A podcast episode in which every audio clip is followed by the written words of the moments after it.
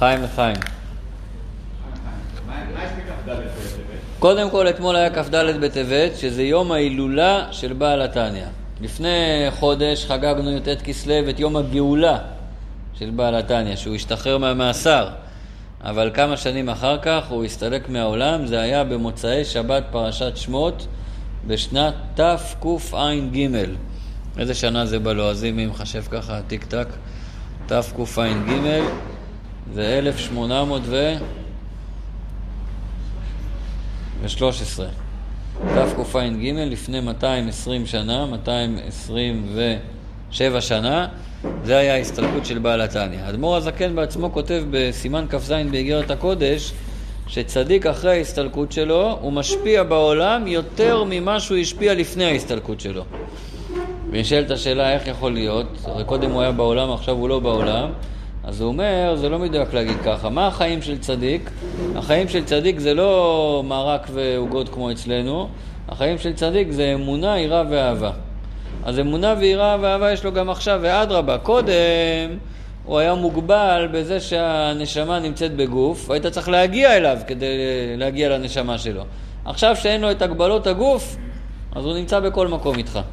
עם מי הוא נמצא? עם מי שמקושר אליו. אז מי שמקושר אליו, והוא אומר שהתקשרות אליו זה העניין של אהבה, מי שמרגיש אהבה כלפיו, אז רוח חייתי רוח ואמשיך רוח. זה כמים הפנים לפנים, אתה אוהב אותו, אוהב אותך, אתה מקושר עליו, ואתה מקבל את כל ההמשכות וכל ההשפעות ממנו. ובזה אדמו"ר הזקן שמסביר איך יכול להיות שבן אדם לפעמים מרגיש פתאום באמצע החיים יש לו הרהורי תשובה. קרה לכם פעם דבר כזה? פתאום אתה הולך, פתאום אתה אומר בואנה אולי אני צריך להתחזק, אולי אני צריך להוסיף שיעור תורה. מכירים את התופעה הזאת?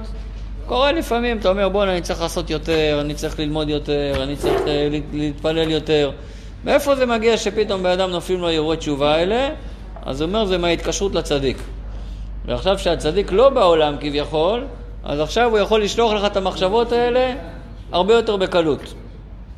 עם כל זה, שעכשיו הוא לא מוגבל בגוף, אבל יש עדיין מעלה לעלות לקבר של הצדיק, לציון שלו, ובשנים האחרונות מאוד אה, פיתחו אה, תשתיתית את הציון של האדמו"ר הזקן, ובנו שם מלון מאוד מפואר, ובית כנסת מאוד מאוד מפואר, השקיעו שם המון המון כסף, ומאות ואלפי אנשים עולים לשם. לציון של אה, בעל התניא, זכיתי גם להיות שם לפני שלוש וחצי שנים, לא בהילולה, ביום הולדת שלו. ההילולה זה קצת קשוח, ועכשיו אה, אמצע ינואר ברוסיה, אתם מבינים שזה מעלות מתחת לאפס, והכל קרח ושלג. אני הייתי בקיץ, בקיץ זה מזג האוויר אה, נעים ברוך השם. עכשיו מלא טסים, מלא טסים, כי זה מאוד זול וקל ונוח ונעים. וכמובן, הכל העניין הרוחני, מאוד מאוד מיוחד. שלחו וידאו שניגנו שם אה, את הניגון שלו, ארבע בבות, על הציון ממש. זה אירוע מאוד מיוחד, מאוד מרגש, ופועל את כל הישועות בעזרת השם. כמו שאדמו"ר הזקן כותב, שיום ההילולה פועל ישועות בקרב הארץ. כי ביום הזה העבודה של אותו צדיק, הכל מתעלה דרגה, אז כל מי שקשור אליו, ככה תופס טרמפ על ההתעלות הזאת, וגם כן יכול להתעלות אה, דרגה. אה, מה עושים בפועל? כמובן מתוועדים, אומרים לחיים, מקבלים החלטות טובות, וכמובן שאנחנו מיישמים, מה מיישמים? אנחנו לומדים את התניא, מה יותר מזה? כתוב שלומדים אה, מתורתו של צדיק, שפתיו דובבות, הצדיק נמצא מולך, נמצא איתך, אז נמצאים עם אדמו"ר הזקן בלימוד התניא. אנחנו פעם שעברה סיימנו את פרק ד', פרק מאוד מאוד מיוחד. כל פרק בתניא מאוד מיוחד. באמת כל פרק בתניא יש בו לפחות שניים שלושה חידושים שמשנים את כל תפיסת העולם שלך. בוא נלך לפי הסדר מה שלמדנו עד עכשיו. פרק א', מה אומר לנו אדמו"ר הזקן? יש לך שתי נפשות, מי חשב על זה לפני? כל העולם היהודי, מי חשב על זה? חשבנו שיש נשמה אחת, ויש לה יצר טוב ויצר רע. לכן בן אדם היה מתבלבל, אז איך יכול להיות? פעם אני ככה, פעם אני ככה, מה קורה? הנשמה שלי נורמלית, שפעם לפה, פעם לפה. מי שאלה את זה ראשונה בעולם? רבקה. הייתה עוברת, היא הייתה בהיריון עם אה, יעקב ועשו, הייתה עוברת ליד בתי מדרש, מרגישה אותו בועט. הייתה עוברת ליד אה, בתי עבודה זרה, מרגישה אותו בועט. היא אומרת, מה יש לי פה? אחד אה, סכיזופרן, מה זה? הוא משוגע? מה, הוא לא, הוא לא מחליט מהו? אז אמרו לה, שני גויים בבטנך, ולאום מלאום יאמץ ורב יעבוד צעיר. ושזה קם זה נופל, ושזה קם זה נופל, יש שם שניים. אותו דבר אומרים, השניים האלה, עשו ויעקב, זה הנפש האלוקית והנפש הבעמית. בסדר ההפוך, יעקב הנפש האלוקית ועשו הנפש הבעמית. כבר מפה לומדים דבר עצום על הנפש הבעמית והאלוקית. כי מי היה יותר חזק, עשו או יעקב? עשו. למה? כי הנפש הבעמית, כתוב שהיא שורשה ממקום מאוד גבוה מעולם התוהו, ממקום מאוד נעלה, מקום של עוצמות מאוד מאוד גדולות. עשו מסמל היום, דרך אגב, בשבילנו יש את ה... בחינוך, יש את הילדים שהם מאוד עוצמתיים, אבל לא יודעים איפה לבטא את העוצמות שלהם, ואז הם נהיים אה, עבריינים, כן? אבל זה לא שאין בהם אה, טוב, פשוט לא יודעים איך לנצל את זה בצורה הנכונה. אלא מה, השורש שלהם כל כך גבוה, שזה יורד פה למטה, הם צריכים את ההדרכה ואת הכיוון. יעקב זה הנפש האלוקית, איש תם, יושב אוהלים. אז זה למדנו בפרק א', חידוש מאוד גדול. אחרי זה פרק ב', למדנו חידוש עוד יותר גדול, שמה זה הנפש האלוקית? זה חלק אלוקה ממעל ממש. יהודי זה בן של הקדוש ברוך הוא, יהודי זה רגל של הקדוש ברוך הוא. מחובר עם הקדוש ברוך הוא. חלק ממנו ממש, זה הדבר הכי מרומם שיכול להיות. הדבר הכי נפלא, שיהודי קולט את הדבר הזה. הפרק הזה לבד, ובאמת ראיתי את זה קורה המון פעמים, משני הפרקים האלה לבד בן אדם חוזר בתשובה. זהו, פתאום הוא קולט מה האמת שלו. פתאום הוא קולט מה העוצמות שלו. פתאום הוא קולט לאיזה דרגות הוא יכול להגיע. זהו, מספיק בשביל הבן אדם בשביל לחזור לתשובה. עצם זה שהוא מתבונן בזה שיש לו נפש אלוקית. רגע, אז אם יש לי נפש אלוקית, אז צריך אה, להתחיל להתנהג בהתאם, כן? אם זה הזהות החדשה שלי, צריך להתאים את עצמי לזהות. כל המלחמה היום, איך אנחנו מגדירים את הזהות שלנו? מה הזהות שלי? אני יהודי או שאני ככל העמים? אתם יודעים, זה מעניין שבבתי ספר הלא דתיים נורא מפחדים מהדתה, נכון? כל הזמן אומרים שלא יהיה דתה ושהרב לא יבוא לבית ספר ושלא יספרו לנו אפילו על החגים, זה נורא מלחיץ אותם. לכאורה אתה שואל, כאילו, מה כזה מלחיץ? אז ישמעו שיש לך... מה? אני לא מבין. אתם חושבים שמביקור אחד של רב בן אדם יחזור בתשובה? ואתם מייחסים כאלה כוחות אה, מאגיים לרבנים שהם יכולים ב... להפנט אה, כיתה של 30 ילדים בשעה אחת אה, להחזיר אותם בתשובה, כאילו זה, זה נשמע לי לא הגיוני, איך יכול להיות דבר כזה? אלא מה, באמת, הם, הם מפח... באמת יש, יש הצדקה לפחד הזה. למה? כי מה הרב בא להגיד להם? הוא בא להגיד להם, מה הזהות שלכם באמת? לא שאתם אנשים רגילים וגם יש בכם יהדות ואתם יכולים לתקוע בשופר או, או ליטול לולב. באמת האמת שלכם, שמה הזהות שלכם שאתם יהודים. ואם באמת ילד או מבוגר פתאום יתחיל להרגיש את זה, אז זה עניין של זמן עד שהוא יגיד, אוקיי, אם, אם זה האמת שלי אז אני צריך אה, לבטא אותה במעשים. אבל באמת זה מפחיד, כי באמת זה משנה את התפיסה של הבן אדם, של מה האני האמיתי שלו.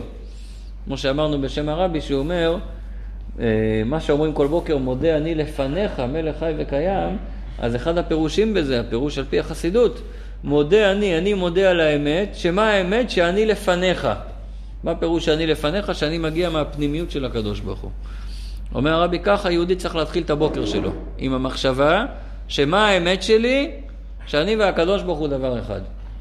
אז אני צריך להגיד את זה לעצמי, ואני יכול להגיד את זה לילדים שלי, לחזק את זה בהם, אני יכול להגיד את זה גם לשכנים שלי או לסביבה שלי, לעזור לכל אחד לחזק פה את הנקודה שאני מודה על האמת, שמה האמת שלך? שהאני הוא לפניך, שבאמת אני חלק מהקדוש ברוך הוא. כי אם בן באמת מרגיש את זה, אז הכל נראה אחרת. דיברנו שזה שיטת הבעל שם טוב, שבמקום לבוא ולהפחיד ולהגיד זה אסור וזה מותר, ואם תעשה ככה תקבל ככה, אם תעשה ככה, זה הכל חיצוני. כי גם אם הבן אדם יעשה, בגלל העונש או בגלל הפרס, אז זה לא הוא באמת עושה, זה רק הכוחות החיצוניים שלו עושים. אבל הוא לעצמו מחכה שייתנו לו שחרור. פה שבן אדם מרגיש, זה אני וזה האמת שלי, אז ממילא אני עושה. זה הרבה יותר עוצמתי, וזה מה שהמטרה שלנו, לשם אנחנו שואפים להגיע. ולמדנו חידוש עצום לגבי ההתקשרות לצדיקים, מה שהאדמו"ר הזקן מביא. באמת זה כתוב בחז"ל, אבל יש הרבה דברים בחסידות, ש... ש... כשלומדים את חז"ל בלי החסידות זה נראה לנו כזה לא ברור. כשלומדים חסידות פתאום זה מאיר לנו, פתאום זה מואר. לכן באמת, אה, אם הזכרנו את כ"ד טבת, אה, רבי שני אור זלמן, נקרא שני אור, שהוא האיר את העולם בשני אורות, אור הנגלה, עם השולחן ערוך שהוא כתב, ואור הנסתר, מתניה, ליקוטי תורה, המאמרים. אז הרבי מסביר, מה פירוש הוא מאיר? מה מאיר כל דבר? השכל מאיר כל דבר. כשאתה מבין משהו, הדבר נהיה מואר. מה הדוגמה לזה? אה, בחור ישיבה יושב בשיעור גמרא ולומד, ולפעמים הוא לא מבין מה שהמורה אומר, מה שהמלמד מלמד. לא מבין, לא מבין, לא מבין, הוא מרגיש כאילו הוא בחושך. ברגע שיפול האסימון והוא יבין, זה כאילו עכשיו הגמרא נהיית מוארת, פתאום הכל נהיה לו מואר, אז השכל הוא מאיר כל דבר. אז הרבי מביא שבאמת בהשגחה פרטית, ההילולה של אדמו"ר הזקן תמיד יוצאת אה, בשבת, בשבוע של פרשת וארא. אז אומר המילה וארא, ו' א' ר' א', אפשר לכתוב מזה את המילים אור א'. אור א'. א' זה ראשי תיבות של המילה אור, אז זה בעצם פעמיים אור. אבל אור אחד כתוב כמו שהוא, ואור אחד מסתתר בתוך הראשי תיבות של האלף. אז אומר, כי זה שני האורות של אדמו"ר הזקן, האור הנגלה, אז זה בגלוי, והאור הנסתר, שהוא מסתתר בתוך האות א', כן? זה רמוז במילה וארא. אז בכל אופן, אז הוא מאיר לנו את העניין של מה שחז"ל אומרים, שעל ידי שבן אדם נדבק בתלמידי חכמים, על ידי זה נדבק בשכינה ממש. כי התלמיד חכם, חכם מלשון בטל, הוא בטל לחלוטין לשכינה, אז על ידי שאתה נדבק בו, אתה נדבק בשכינה. אחרי זה למדנו בפרק ג' את החידוש של כוחות הנפש, מה זה שכל ומה זה רגש, ואיך השכל משפיע על הרגש, ואיך העיקר זה דווקא הדעת, ההתבוננות. ואחרי זה בפרק ד' שלמדנו פעם שעברה, למדנו חידוש עוד יותר גדול. כמה חידושים. אתם זוכרים מה למדנו פעם שעברה? נו, מה למדנו בפרק? מה החידושים של פרק ד'? מי זוכר? אתה, עולה, אתה יודע מהאלון. או שאתה לא קורא, רק אה, עושה העתק הדבק. טוב, אתה, אנחנו, כרגע אתה בהכנה לחתונה, אנחנו מוותרים לך על הכל. אתה... היית בוורט, כן. רבי אומר על הזמן הזה, יקר מכל יקר. זה הזמן הכי יקר, שצריך לנצל כל רגע, לחזור בתשובה, אחרי זה כבר זה קשה. עכשיו זה הצ'אנס האחרון. בכל אופן, אה, מה שלמדנו, כמה דברים. דבר אחד, שאם בן אדם יש לו רגש אמיתי של אהבה לקדוש ברוך הוא, הרגש הזה צריך להתבטא, חייב להתבטא במעשים.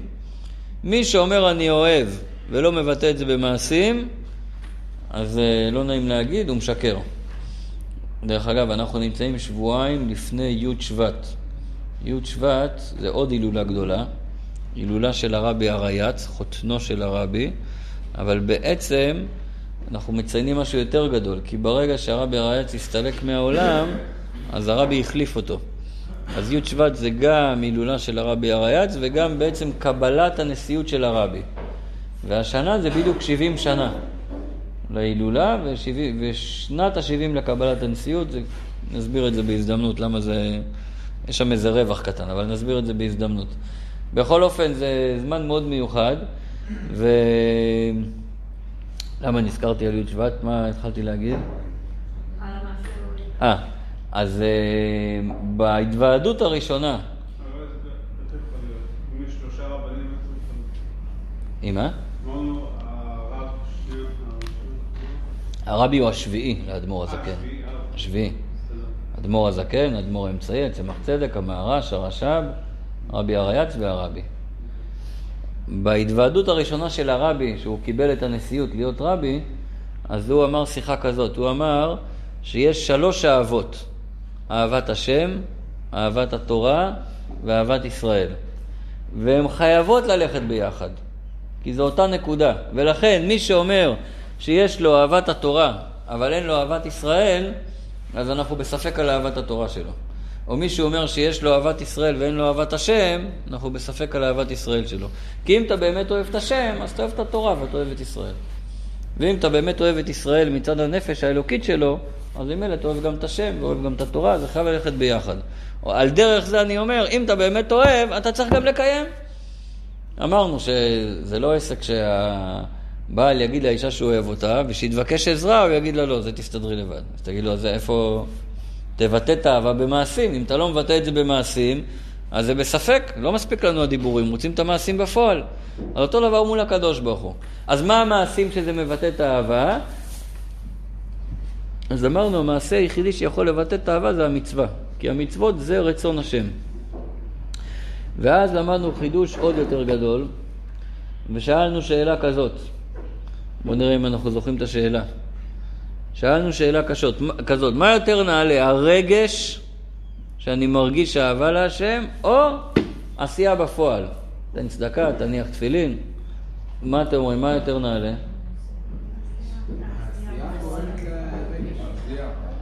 עשייה, עזוב כרגע אם היא פועלת הרגש או לא.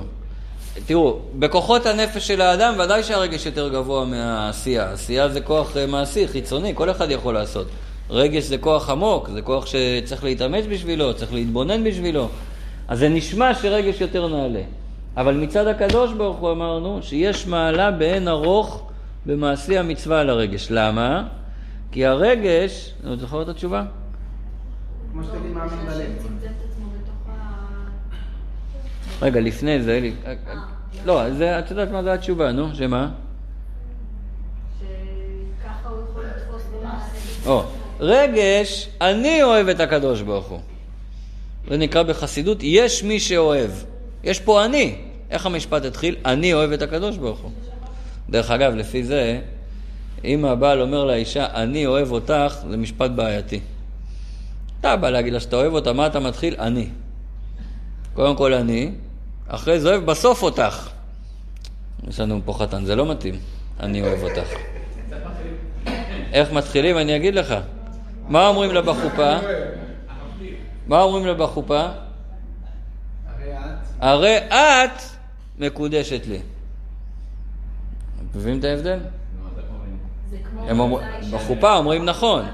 אחרי החופה אומר, אני אוהב, וגם יש אותך בסוף. מה העיקר? אני.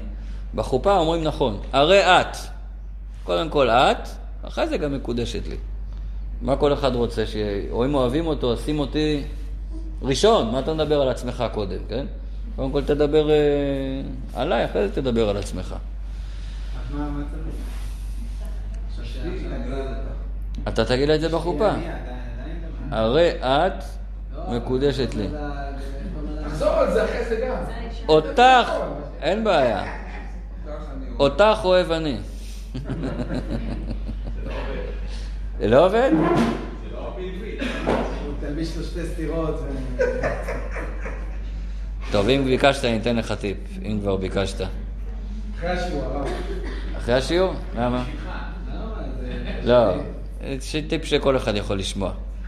אה, מתי בן אדם מרגיש שאוהבים אותו? שדואגים לו בגשמיות. אבל אנחנו, יש לנו נטייה כל הזמן לדאוג לגשמיות שלנו, והשני מסתכלים על הרוחניות שלו, מתקנים אותו. למה אתה לא הולך למניין? למה את לא עושה חיטס?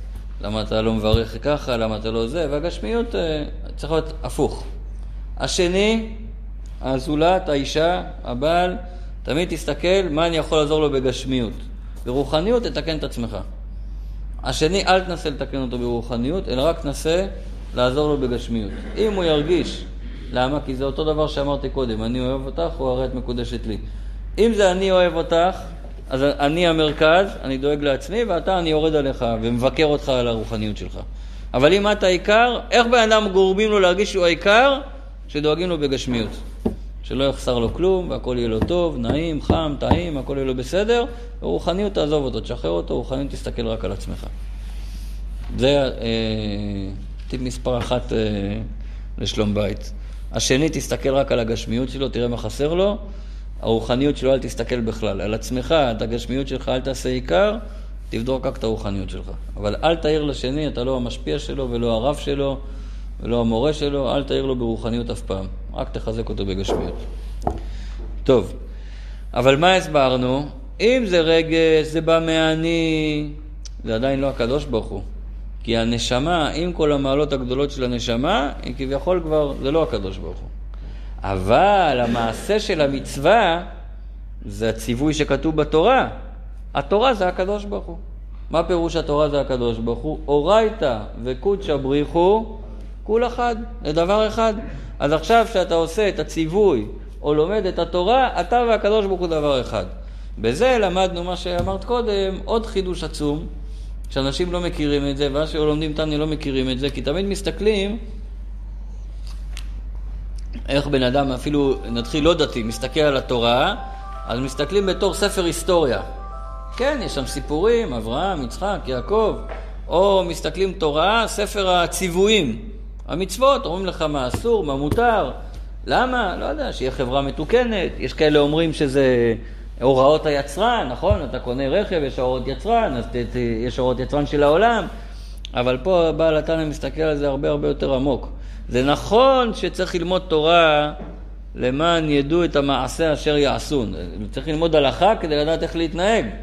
שזה אגב ההוראה של הרבי לפני החתונה, ללמוד הלכות, ללמוד סמיכה לרבנות, כי צריך להיות רב בביתו. יש הרבה שאלות בבית של איסור והיתר, כשרות, שבת, ללמוד כמה שיותר הלכות. אבל יש משהו הרבה יותר עמוק בתורה. התורה זה לא חוקים אה, סוציאליים שמישהו חיבר.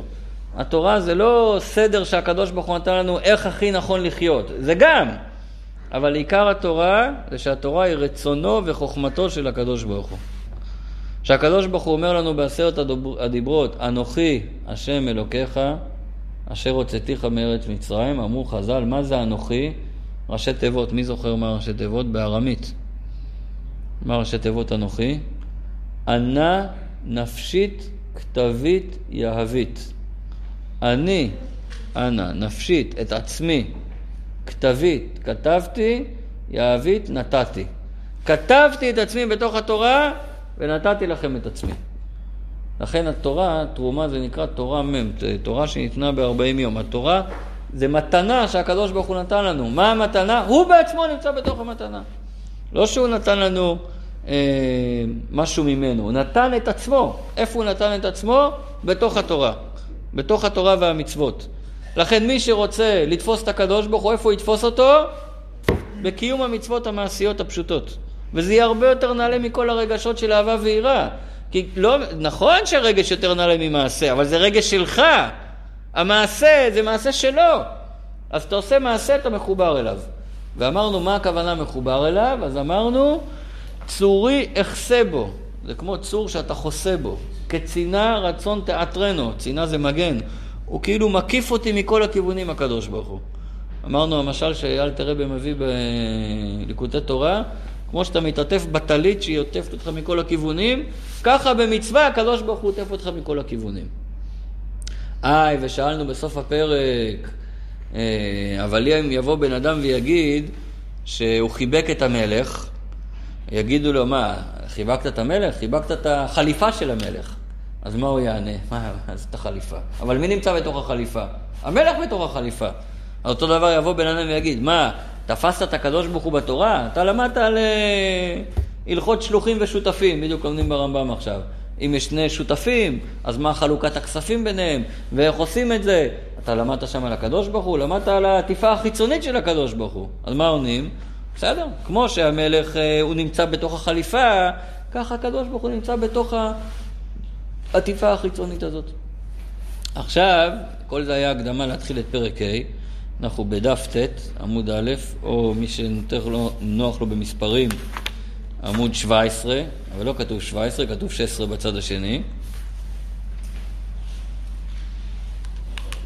ועכשיו בפרק הזה, כהמשך ישיר לפרק הקודם, אבל בעצם כמו מעין סוגריים לרצף של התניא, אחרי שהסברנו מה זה התורה ואיזה מתנה נפלאה הקדוש ברוך הוא נתן לנו את עצמו בתוך התורה, אבל הדגשנו בעיקר את הקיום של המצוות. ועל הדרך עכשיו אדמו"ר הזקן מסביר, אבל מה קורה כשאתה לומד תורה, ולמה מצוות, המצווה של לימוד תורה היא מצווה הכי נעלית שיש. ויהודי שרוצה להתאחד עם הקדוש ברוך הוא, המקום הכי נעלה שהוא יכול להתאחד איתו זה בלימוד תורה. אבל שימו לב שנלמד עכשיו שיש שתי מצוות שונות בנוגע ללימוד תורה. יש מצוות תלמוד תורה, שזה לשבת וללמוד, ויש מצוות ידיעת התורה, שזה לדעת את מה שכתוב בתורה. ודווקא המצווה של ידיעת התורה, יש בה מעלה שאין בשום מצווה אחרת. זה נראה בפרק הזה, פרק ה'.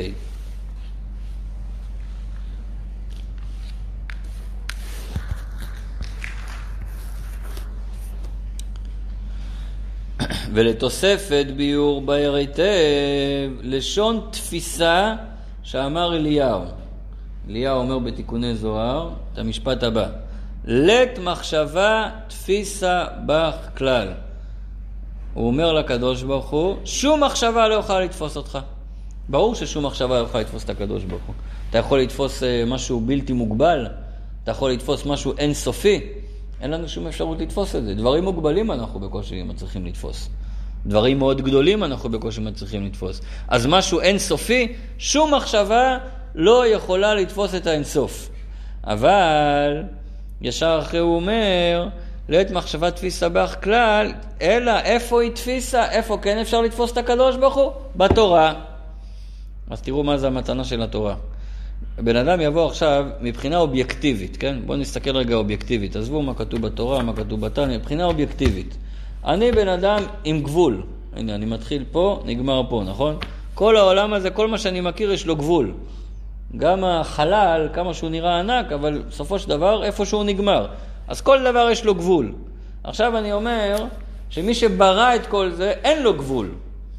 ועכשיו אני רוצה להתחבר לבלי גבול הזה. איך אני יכול להתחבר אליו? אם אני גבול, אין לי שום אנטנה, שום יכולת לקלוט את הבלי גבול. אז לכאורה זה נראה שאין לי שום סיכוי להתחבר אליו. כי הוא בלי גבול ואני גבול. לא רק שאין לי שום סיכוי להתחבר אליו, אין לי שום סיכוי להבין מה הוא רוצה, או לדעת מה הרצון שלו, או לדעת איך הוא חושב. לא מחשבותיי מחשבותיכם, לא דברי דבריכם, אין לנו שום סיכוי. הסיכוי היחידי זה שאם הוא מלמעלה ישלח לנו איזה חבל להוציא אותנו.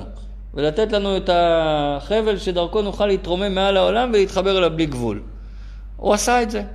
באיזה אופן הוא עשה את זה? פלא פלאים. הוא הכניס את הבלי גבול בתוך התורה, בתוך האותיות של התורה, בתוך הסוגיות שבתורה, בתוך החוקים שבתורה, בתוך המצוות, בתוך ההלכות. ועכשיו, כשאנחנו יושבים ולומדים תורה, אז עכשיו דרך הלימוד השכלי, עכשיו אני יכול לתפוס את הקדוש ברוך הוא. עד כדי כך.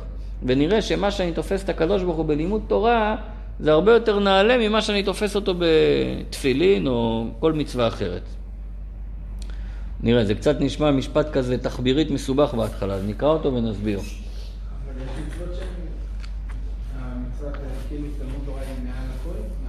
בתלמוד תורה כנגד כולם. הוא יסביר פה למה, מה שאמרתי, שהחסידות מאירה את מאמרי חז"ל.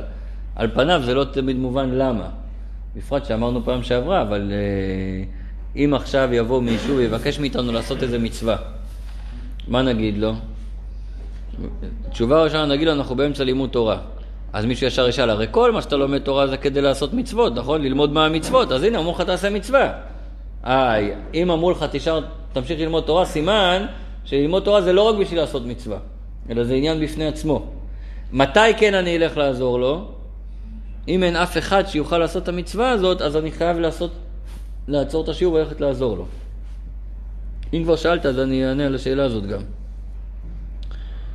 זאת אומרת, שאם אתה שואל איפה באופן רוחני...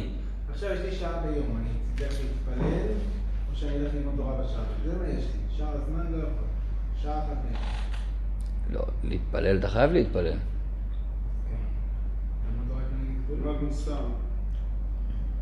אז, לא, אבל תלמוד תורה כנגד כולם זה לא על חשבון תפילה. למה על חשבון תפילה? לא, בסדר. אז עוד פעם. אז בדיוק התחלתי לענות על זה. אז אם אתה שואל מבחינה רוחנית, אפילו נקרא לזה טכנית, איפה אפשר להתחבר הכי הרבה, תכף נראה בשורות הבאות, זה בלימוד תורה. אבל אם אתה שואל, אה, אם אני רוצה לא להתחבר הכי הרבה, רוצה לעשות רצון השם, רצון השם זה דווקא שתזכך את העולם ותברר את העולם, ולכן דווקא תפעל בתוך העולם, כן? אז כל הזמן יש את המתח הזה, הקונפליקט הזה. עכשיו אני דואג לעצמי להתחבר, או עכשיו אני עושה את רצון השם לזכך את העולם. טוב, אז כמובן שהקדוש ברוך הוא נתן לנו את האפשרות, תתפלל בבוקר, תעשה קביעות עיתים, שעה בבוקר, שעה בערב, וכל שאר היום ת, תתעסק בבירור העולם, בזיכוך העולם. לפי זה הרבי מסביר על יוסף הצדיק, שלכאורה, לכאורה אה, למדנו שהשבטים לא הכירו את יוסף שהם ראו אותו פעם ראשונה, אחרי כל השנים. אז כתוב בגלל הזקן וכולי, אבל בחסידות מסבירים, הם לא הכירו את המדרגה שלו. הוא היה במדרגה כזאת גבוהה, הם, כדי להיות דבוקים באלוקות, היו צריכים להתנתק מהעולם, להיות במדבר, לראות את הצאן. הוא ניהל את כל האימפריה ונשאר דבוק באלוקות. אז הם לא הכירו מדרגה כזאת גבוהה. אז הרבי שואל, אם ככה, למה יעקב, לפני שהוא בא למצרים, מה הוא עשה דבר ראשון? ואת יהודה שלח לפניו גושנה, נכון? לפתוח, להורות לו בתלמוד, לפתוח בית מדרש. מה, וזה שיוסף למד תורה זה לא מספיק? הרי יוסף, מה אמרנו? היה דבוק, היה בעולם וגם דבוק בתורה, נכון? אז הוא אומר, נכון, אבל יש מעלה בזה שרק לומד תורה. זה דבקות ברמה אחרת. אז זה מה שנראה בשורות הקרובות. הנה כל שכל, שכל הכוונה כוח ההשכלה שיש לי בראש, הכוח להשכיל. כל שכל כשמשכיל ומשיג בשכלו איזה מושכל. הצלחתם לעקוב, זה כמה אה, אה, הטיה של אותו שורש בכמה צורות שונות. כל שכל כשמשכיל ומשיג בשכלו, שכוח המוח שלי עכשיו, כוח השכל שלי עכשיו, משכיל ומשיג, מבין בשכל איזה מושכל, איזשהו לימוד כלשהו, הרי השכל תופס את המושכל ומקיפו בשכלו. זאת אומרת, אני עכשיו לומד, תכף הוא ייתן את הדוגמה, אבל אני עכשיו לומד איזושהי סוגיה בגמרא, או לומד עכשיו בתניא, אז עכשיו כוח השכל שלי תופס בתוכו, בתוך המוח נכנס האותיות שאני לומד, ההשכלה שאני לומד. והמושכל מצידו גם כן נתפס ומוקף ומלובש בתוך השכל שהשיגו והשכילו. ועכשיו נראה שיש גם את הצד השני. וגם השכל מלובש במושכל בשעה שמשיגו ותופסו בשכלו. זאת אומרת, כל פעם שאתה לומד משהו, תכף נראה שזה בעיקר בתורה, אבל כל פעם שאתה לומד משהו, אז התוכן השכלי שאתה לומד, איפה הוא נמצא כרגע? בתוך השכל שלך. והשכל שלך מקיף את מה שאתה לומד. עכשיו, מצד שני גם, אם אתה באמת שקוע, איך אנחנו אומרים שבן אדם שקוע בתוך הלימוד. כי זה לא רק שהלימוד בתוכי, אלא הלימוד גם מקיף אותי מבחוץ. אז גם השכל תופס את המושכל, וגם המושכל תופס את השכל. נראה תכף שדבר כזה לא קיים בגשמיות. בגשמיות או שיד ימין מקיפה את יד שמאל, או שיד שמאל מקיפה את יד ימין. פה יש משהו רוחני, שהשכל מקיף את המושכל, והמושכל מקיף, מקיף את השכל בו זמנית.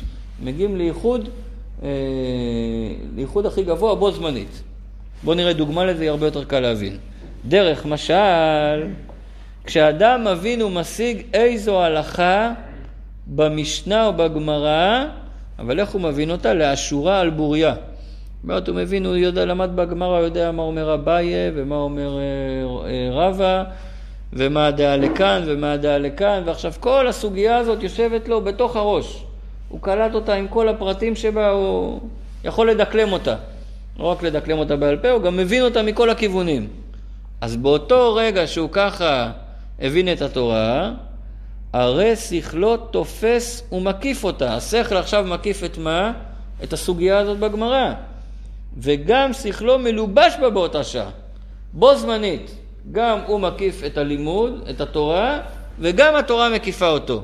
במצוות אין את זה.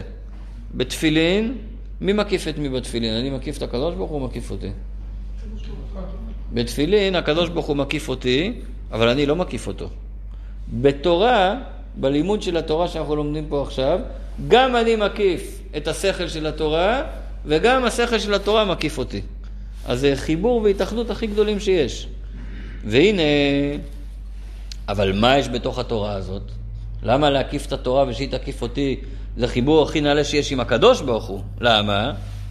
והנה הלכה זו היא חוכמתו ורצונו של הקדוש ברוך הוא. זה מה שלמדנו בפרק הקודם. מה זה ההלכה?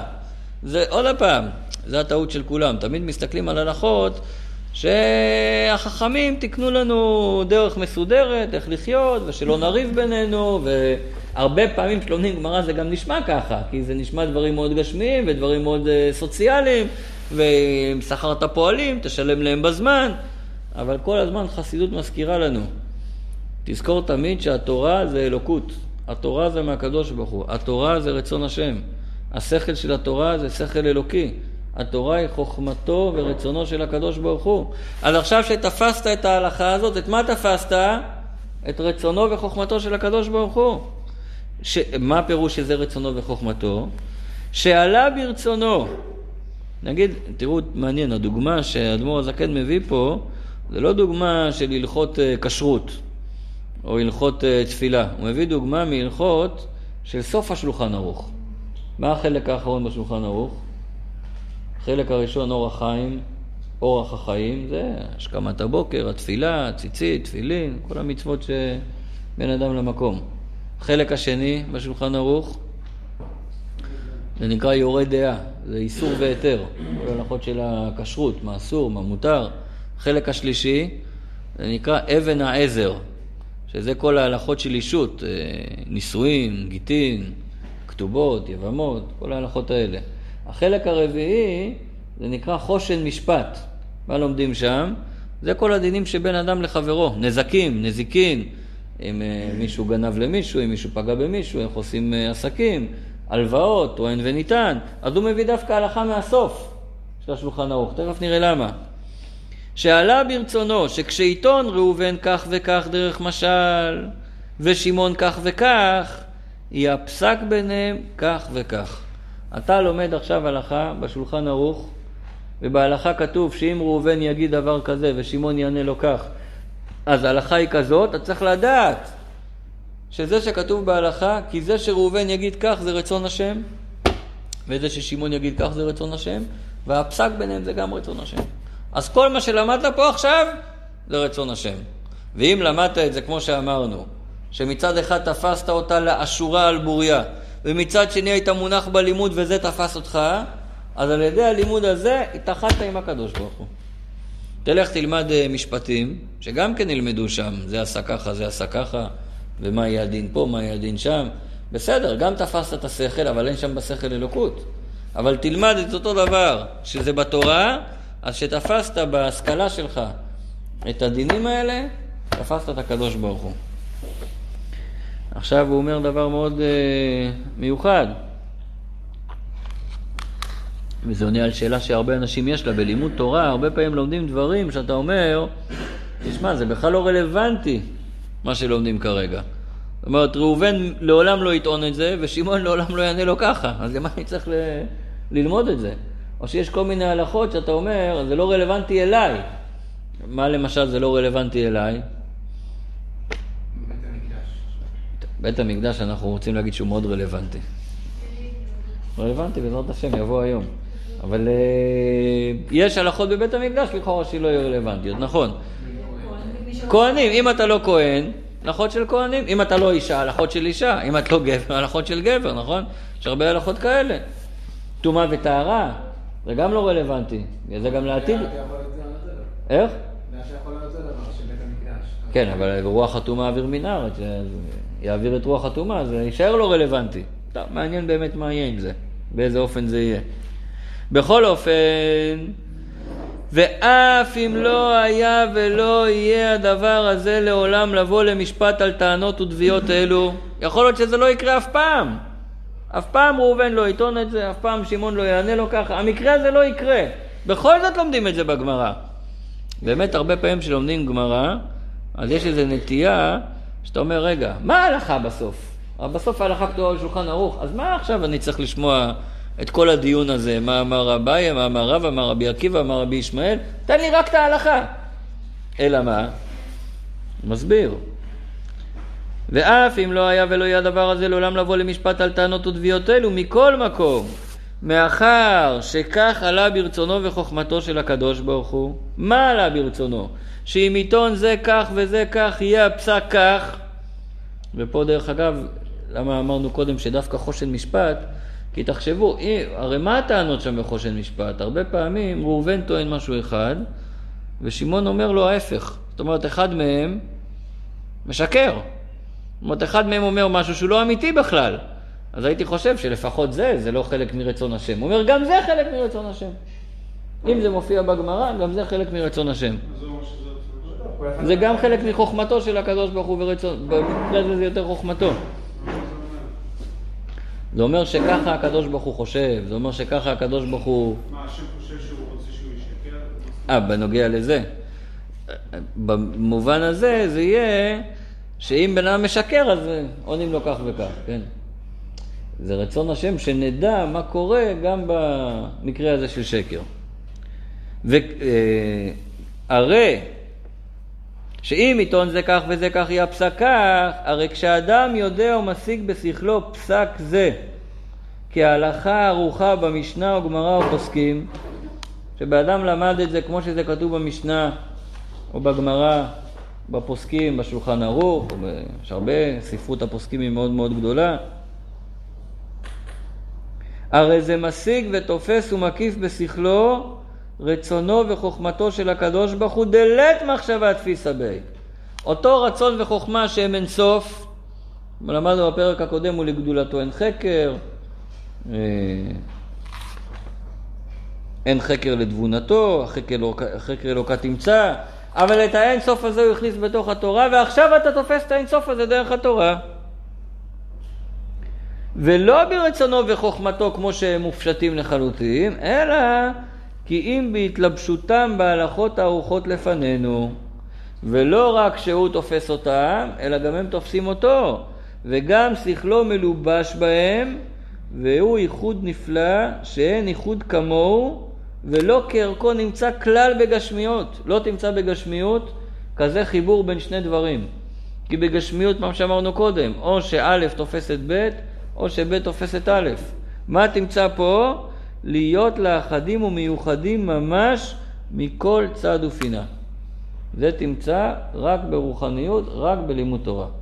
ולכן אפילו במצווה, תפילין, צדקה, ציצית, שבת, כל מצווה שתגיד, אין כזה ייחוד.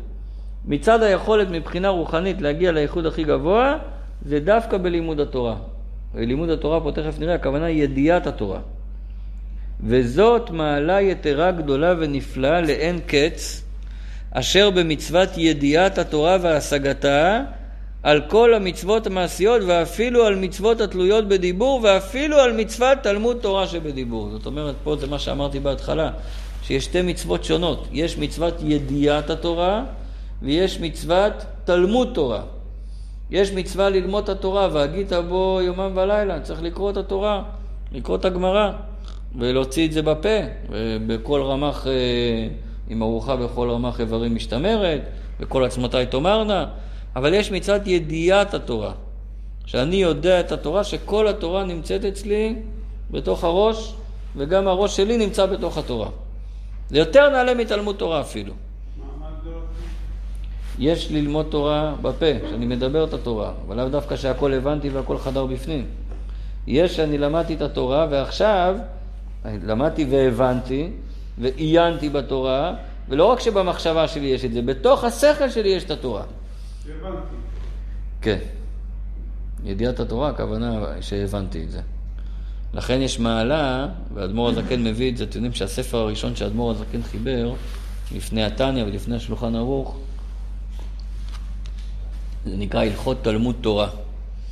אה, מתוך השולחן ערוך הוא עשה ספר רק על הלכות תלמוד תורה. חיבור מאוד מאוד מיוחד. הרב של כפר חב"ד, הוא הוציא הרבה ספרים שמבארים את ההלכות תלמוד תורה של אדמו"ר הזקן. הוא ממש מראה איך בכל מילה שם איזה גאונות הוא הכניס שם. אז אה, שם בהלכות תלמוד תורה אומר שיש מצווה על כל יהודי לדעת את כל התורה כולה. כל אחד צריך לשאוף ללמוד את כל התורה כולה. הרבי תיקן לנו תקנה שמאפשרת לנו לעשות את זה. מה התקנה הזאת? לימוד הרמב"ם היומי. הספר היחיד שמקיף את כל הלכות התורה, זה היד החזקה של הרמב"ם, משנה תורה. כל התורה כולה. הרמב"ם, כות... שנייה. הרמב"ם כותב בהקדמה לספר שלו, הוא אומר, עשיתי מקבץ לתורה שבעל פה, הוא אומר, למה עשיתי את זה? כי אנשים לומדים את הגמרא ולא מוצאים את הידיים והרגליים בגמרא, אז עכשיו קיבצתי להם את כל ההלכות שיש בגמרא, ועכשיו הוא אומר ככה, דבר מדהים הוא אומר. אם בן אדם ילמד את החומש, את התורה שבכתב ואת הספר שלי, הוא יודע את כל התורה כולה. לא צריך ללמוד עוד שום דבר. אז uh, זכינו שאנחנו לומדים כל יום את הרמב"ם, מי שלומד אה, שלושה פרקים ביום תוך שנה הוא מסיים את זה, מי שפרק ביום תוך שלוש שנים הוא מסיים את זה. יש בזה מעלה אפילו על הדף היומי, כי הדף היומי אין שם את הכל. יש אה, דברים שאין עליהם גמרא. שיש משנה בלי גמרא ולא לומדים את זה בדף היומי תמיד, אז אה, ברמב"ם יש את הכל. אלא מה, אנחנו קוראים את זה, צריך כמובן, הכוונה שתלמד את זה ונבין את זה. בדרגה גבוהה יותר כתוב שצריך לזכור הכל בעל פה, טוב, זה כבר דרגות, אנחנו לא בדרגה הזאת. כל הרמב"ם? כל הרמב"ם, 14 ספרים, זה אלף פרקים. אם אתה תעשה שלושה פרקים ביום, וזה אלף פרקים, אז ייקח לך 333 ימים, נכון? אז זה 11 חודש. 11 חודש וקצת. זריז, עוברים על כל התורה, זה דבר מדהים לעשות את זה, ותענוג מאוד גדול, ובאמת עוברים על כל, הרמב"ם הוא גם, אה, הוא מאוד אה, יסודי, וברור, ואתה תוך שנה יודע את כל המצוות שיש בתורה, עם כל ההלכות, עם כל הפרטים, והמון ידע כללי יש שם על, ה... על המצוות. יש את זה בחוברת דבר מלכות. בחוברת דבר, דבר מלכות מופיע את זה. או שקונים את הסט של, ה... את הסט של הספרים. החיטת באמת זה לא תקנה של הרבי, זה תקנה עוד מהרבי הקודם. הרמב"ם זה חידוש שזה תקנה של הרבי, דמות הרמב"ם קודם. נקרא את זה שוב מהנקודה. וזאת מעלה יתרה גדולה ונפלאה לאין קץ אשר במצוות ידיעת התורה והשגתה על כל המצוות מעשיות ואפילו על מצוות התלויות בדיבור. מה זה מצוות התלויות בדיבור? כמו תפילה, כמו ברכות, ואפילו על מצוות תלמוד תורה שבדיבור. למה? כי על ידי כל המצוות שבדיבור ומעשה מי מקיף את מי? הקדוש ברוך הוא מלביש את הנפש ומקיפה אור השם מראשה ועד רגלה. מה מיוחד בידיעת התורה?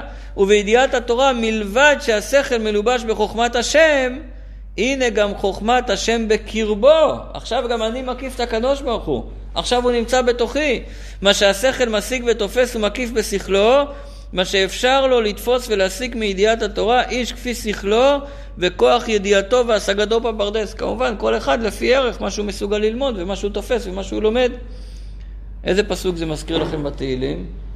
שהתורה היא בתוכי? ותורתך בתוך מעי. זאת אומרת, יש שאני בתוך התורה, שהקדוש ברוך הוא מקיף אותי במצוות, ויש שהוא בתוכי. זה מה שדוד המלך אומר, תכף נראה, ותורתך בתוך מעי. למה? רגע, ולפני זה, ולפי שבידיעת התורה, התורה מלובשת בנפש האדם ושכלו ומוקפת בתוכם, עכשיו נבין למה התורה נמשלת, נקראת בשם לחם ומזון הנפש. ואדם אומר, אני רוצה לאכול, נכון? אז הגוף רוצה לאכול. מה הגוף אוכל? אוכל אה, אוכל גשמי. אבל הנשמה גם רוצה לאכול. מה היא רוצה לאכול?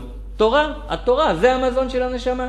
אז כמו שבן אדם דואג לעצמו כל יום למזון, ואיך אומרים, לא נמאס לאכול, נכון? זה בן אדם לא אומר, כמה אפשר לכל יום ארוחת צהריים? מה אפשר איזה שבוע בלי ארוחת צהריים? אז אותו דבר הנשמה אומרת, לא נמאס ללמוד תורה. כל יום רוצה ללמוד תורה. מישהו שאל אותי השבוע, אה, הוא קרא באיזה ספר שכתוב שלעתיד לבוא, אה, אין זה ואין זה ואין זה, רק זיו השכינה. אמר לי, מה, לא משעמם זיו השכינה? לא נשתעמם, רק זיו השכינה. מה אתה אומר? לא נשתעמם. זה הכי נעלה שיש. זה לא משנה, זה כמו שתגיד לי, מה, רק ללמוד תורה כל היום? מה זה? זה הכי מעניין שיש. כי כמו שהלחם הגשמי זן את הגוף, למה היא נמשלת ללחם? מה פירוש התורה עם מזון הנפש, מזון הנשמה? מה אתה אומר? קמח. או, כי כמו שהלחם הגשמי זן את הגוף כשמכניסו בתוכו וקרבו ממש ונהפך שם להיות דם ובשר ובשרו, ואזי יחיה ויתקיים. בזכות מה אתה חי? שהלחם נהיה חלק ממך, והוא בונה את הגוף, הוא נותן לך חיות. אותו דבר בידיעת התורה והשגתה בנפש האדם שלומדה היטב בעיון שכלו עד שנתפסת בשכלו ומתאחדת עמו והיו לאחדים נעשה מזון לנפש וחיים בקרבה מחיי החיים אין סוף ברוך הוא המלובש בחוכמתו ותורתו שבקרבה זאת אומרת, כמו שהלחם שהוא נכנס לתוך הגוף הוא נהיה דם ובשר מבשרו, הוא נהיה חלק מהגוף שלך, ככה התורה שהיא נכנסת בנשמה, היא נהיית חלק מהנשמה שלך. אז כמו שהלחם זה המזון לגוף, התורה זה המזון לנשמה. לכן התורה, אנחנו ממשילים אותה ללחם. אדמו"ר הזקן מביא בליקוטי תורה משל פשוט נפלא, שכמו שלחם, אה, יש סדר איך אתה מכניס אותו לגוף. קודם כל, אתה זורע את החיטה. אחר כך, אתה טוחן אותה. אחר כך הקמח, אתה לש אותו במים, ואחר כך הקמח, אתה אופה אותו. אז הוא אומר, כל המלאכות האלה צריך להיות בלימוד תורה. קודם כל צריך להיות זריעה. מה זה זריעה? הזרע מכניסים אותו לתוך האדמה, הוא צריך להירקב לגמרי כדי להתחיל לצמוח. אז זה מה שהבן אדם צריך להיות ביטול, שהוא ניגש לתורה, הוא לא בא עם אה, אני יודע ואני מבין, הוא בא בביטול התורה. אחרי זה צריך להיות אה, תחינה. איך? הוא, שם הוא לא מביא חרישה. הוא מביא זריעה, תחינה, לישה ואפייה. באמת אתה שואל שאלה יפה, מה עם כל שאר המלאכות? איך? נכון, הוא מביא רק ארבע. מה עם צירה? זה שואלים שאלה יפה, הוא לא מביא את זה שם, אבל אפשר לחשוב לבד מה זה אומר. בואו בוא נסיים אבל מה שהוא אומר, ואחרי זה נוסיף גם מעצמנו, נחדש. אז אה, תחינה אומר זה לב נשבר ונתקה. כשבן אדם מרגיש כמה הוא רחוק מהקדוש ברוך הוא, מתמרמר על זה ורוצה להתקרב.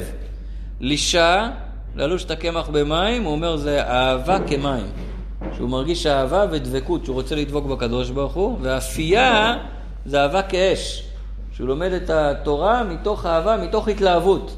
ואז הוא אומר שם דבר מבהיל, הוא אומר, אם תיקח את הבצק, בלי לאפות אותו, ותכניס לפה לאכול אותו, מה יקרה? כאב בטן. אתה, כאב בטן במקרה הטוב, אתה יכול למות מזה. הוא אומר, על זה נאמר שעל התורה, לכן נאמר על התורה, אם זכה, נעשית לו סם החיים, ואם לא זכה, נעשה לו סם של הפך החיים. אם זכה, אם יזדכך, והוא לומד מתוך אהבה כמים ואהבה כאש, אז זה יבנה אותו, סם החיים, אבל אם לא, השם ישמור, יכול לעשות לו ההפך, סם של הפך החיים. אז כמו שהלחם זן את הגוף, ככה התורה זנה את הנשמה. וזהו שכתוב, ותורתך בתוך מאי. וכמו שכתוב בעץ חיים, זה כתבי אריזל, שער מ"ד פרק ג', שם כתוב שלבושי הנשמות בגן עדן הם המצוות. והתורה היא המזון לנשמות, שימו לב עכשיו, זה קשור למה שאמרנו מלכותי תורה, היא המזון לנשמות שעסקו בעולם הזה בתורה לשמה. זאת אומרת שבן אדם עולה למעלה, כתוב אשרי מי שבא לכאן ותלמודו בידו. המצוות זה יהיה כביכול הלבושים שלו בגן עדן, והתורה זה יהיה המזון שלו. בעצם, מה שהוא מסביר, מה שקורה בגן עדן, אתה בעצם עכשיו מרגיש מה עשית כל החיים. זה לא עכשיו שכר אה, של נקודות. השכר לפי החסידות, מורה עבד בבית ספר, סוף החודש קיבל משכורת. זאת אומרת, המשכורת, היא לא קשורה לעבודה שהוא עבד. הוא מקבל משכורת לפי השעות שהוא עבד, אבל זה לא תוצאה של העבודה שלו. חקלאי זורע זרע באדמה, מה שיוצא זה תוצאה של העבודה שלו. זה לא פרס שצמח משהו, זה תוצאה טבעית.